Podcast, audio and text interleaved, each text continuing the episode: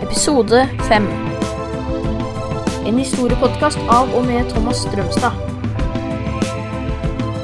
Borgerkrig og kong Sverre.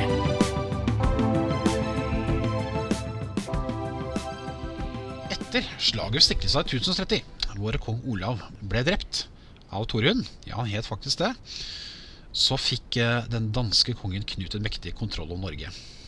Knut den mektige var jo da en dansk konge, veldig mektig, eh, som hele tiden hadde vært en slags rival til Olav den hellige. Olav den hellige hadde jo lagt under seg store deler av Norge, men ikke det som i dag eh, vi forbinder med Oslofjordsområdet eller Viken. Der hadde danskekongen danske kongen fortsatt hatt sin kontroll, men etter at Olav døde, så ble jo da Knut den mektig konge over Norge. Men det gikk ikke så lange tiden før eh, Olavs sønn Magnus ble valgt til den nye kongen for hele Norge. Hvorfor det? Eh, først og fremst fordi at kirken, som var mekt, eh, mektig maktfaktor i Norge, hadde stor sjans for Magnus som konge. Eh, ikke minst fordi at han var sønn til Olav, som jo hadde dødd for kristendommen. Olav hadde jo blitt gjort til helgen, akkurat som moren til Jesus, Maria og disiplene hans. Olavs lik ble lagt i et skrin i en liten kirke i Nidaros. Masse folk fra hele Europa reiste opp for å se på skrinet. Og midt på 1100-tallet så begynte man jo da bygningen av en kirke til ære for Olav. Den skulle etter hvert bli veldig stor. Skulle faktisk blitt en katedral. Og eh, en veldig viktig symbol for kirkens maktposisjon. For mange av dere har sikkert allerede skjønt at det er Nidarosdomen vi da snakker om. Kristendommen hadde jo da slått rot i det norske samfunnet, og kirken ble mektigere og mektigere ved siden av kongen. I 1152 så ble da en norsk erkebiskop utnevnt. Han ble bosatt i Nidaros og mottok store inntekter gjennom det såkalte kirketinden. Alle måtte da betale 10% skatt av det de produserte. Derav navnet tienden. Mange bønder ga jord til kirken for at prestene da skulle be til dem, mens i klostrene satt nonner og munker og ba og gjorde gode gjerninger. Som dere skjønner, hadde kirken masse makt, både åndelig og politisk, og den visste å alliere seg med kongen. Eh, når det gjaldt altså kongemakten, så sto den på ganske solide bein siden Magnus Olavsson kom til makten. Harald Hårråde, som jo øh, var en av etterfølgerne, han ble jo drept eh, da han prøvde å erobre England i 1066. Men han hadde da klart å gjøre kongemakten så sterk at andre kretser i Norge ikke klarte å true kongemakten. Etter Harald Hårrådes død da, i 1066 så fulgte en periode preget av fred og vekst, altså såkalt fredsperiode.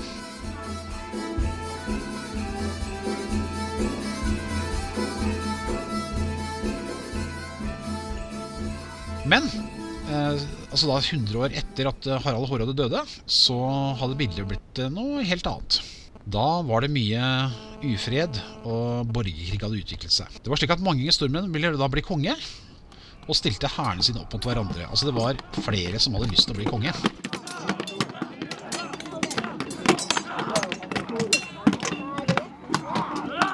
Grunnen til at eh, det ble eh, borgerkrig skyldtes da flere ting. Befolkningsvekst ga knapphet på ressurser.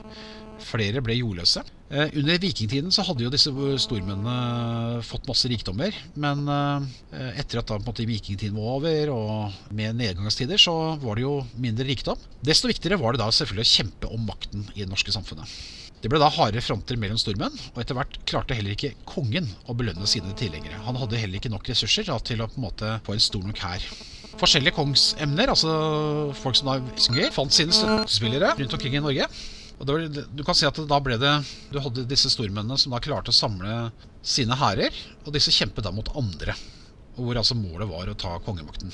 Én stormann som da hadde samlet det her, det var Erling Skakke. Og han klarte å samle en så stor hær, dvs. Si han klarte faktisk å samle store deler av Norge til å støtte ham i hans kamp for å få sin egen sønn Magnus til å bli konge. Kirken og Erling eh, var også gode venner, og de sørget da sammen for at Magnus ble kronet til konge. På et riksmøte i 1163, altså den tids storting kan man si, ble han da av erkebiskopen kronet til konge. Han var det første som hadde blitt kronet på en slik måte i Norden, og Magnus kunne kalle seg Guds, konge av Guds nåde. Kirke og konge var nå for alvor i et mektig tospann. Men så var det slik at det var ikke alle som var like begeistret for den nye kongen og hans posisjon. Eh, Snorre Sturlason forteller da om et flokk voldsmenn, harde våpendjerve, som skapte skrekk og frykt der de for fram. Når overmakten da ble for stor, remte de til skogen. Og der bandt de never og den ytterste delen av bark fra bjørketrær rundt beina for å holde varmen. De ble kalt birkebeinere. Sommeren 1176 kom da en ung mann fra Færøyene land i Norge. Han innbildet seg at han var sønn av en tidligere konge, Sigrimund. Sverre og birkebeinerne ble gode venner, og de startet da kampen mot Magnus Eiringsson for å få tronen selv. Det ble flere slag mellom Sverre og birkebeinerne og, Magnus. Under første slag ved Kalveskinnet i 1179 så ble da Magnus' far Erling Skakke drept. Og ved slaget ved Fimreite i 1184 blir da Magnus selv drept. Sverre var nå blitt konge, men etter hvert så var det en ny opprørsstyrke som da mobiliserte mot Sverre. De såkalte baglerne. Baglerne de ble ledet av biskopen i Oslo, og var da på en måte kjempet jo da den katolske kirkes sak. Sverre døde i 1202, og striden var ennå ikke over.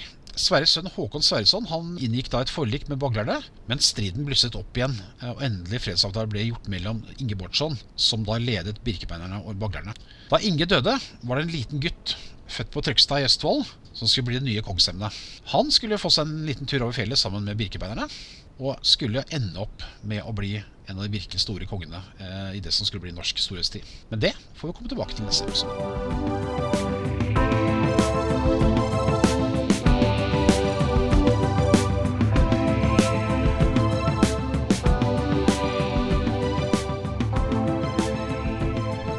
Du har hørt en historiepodkast av og med Thomas Strømstad.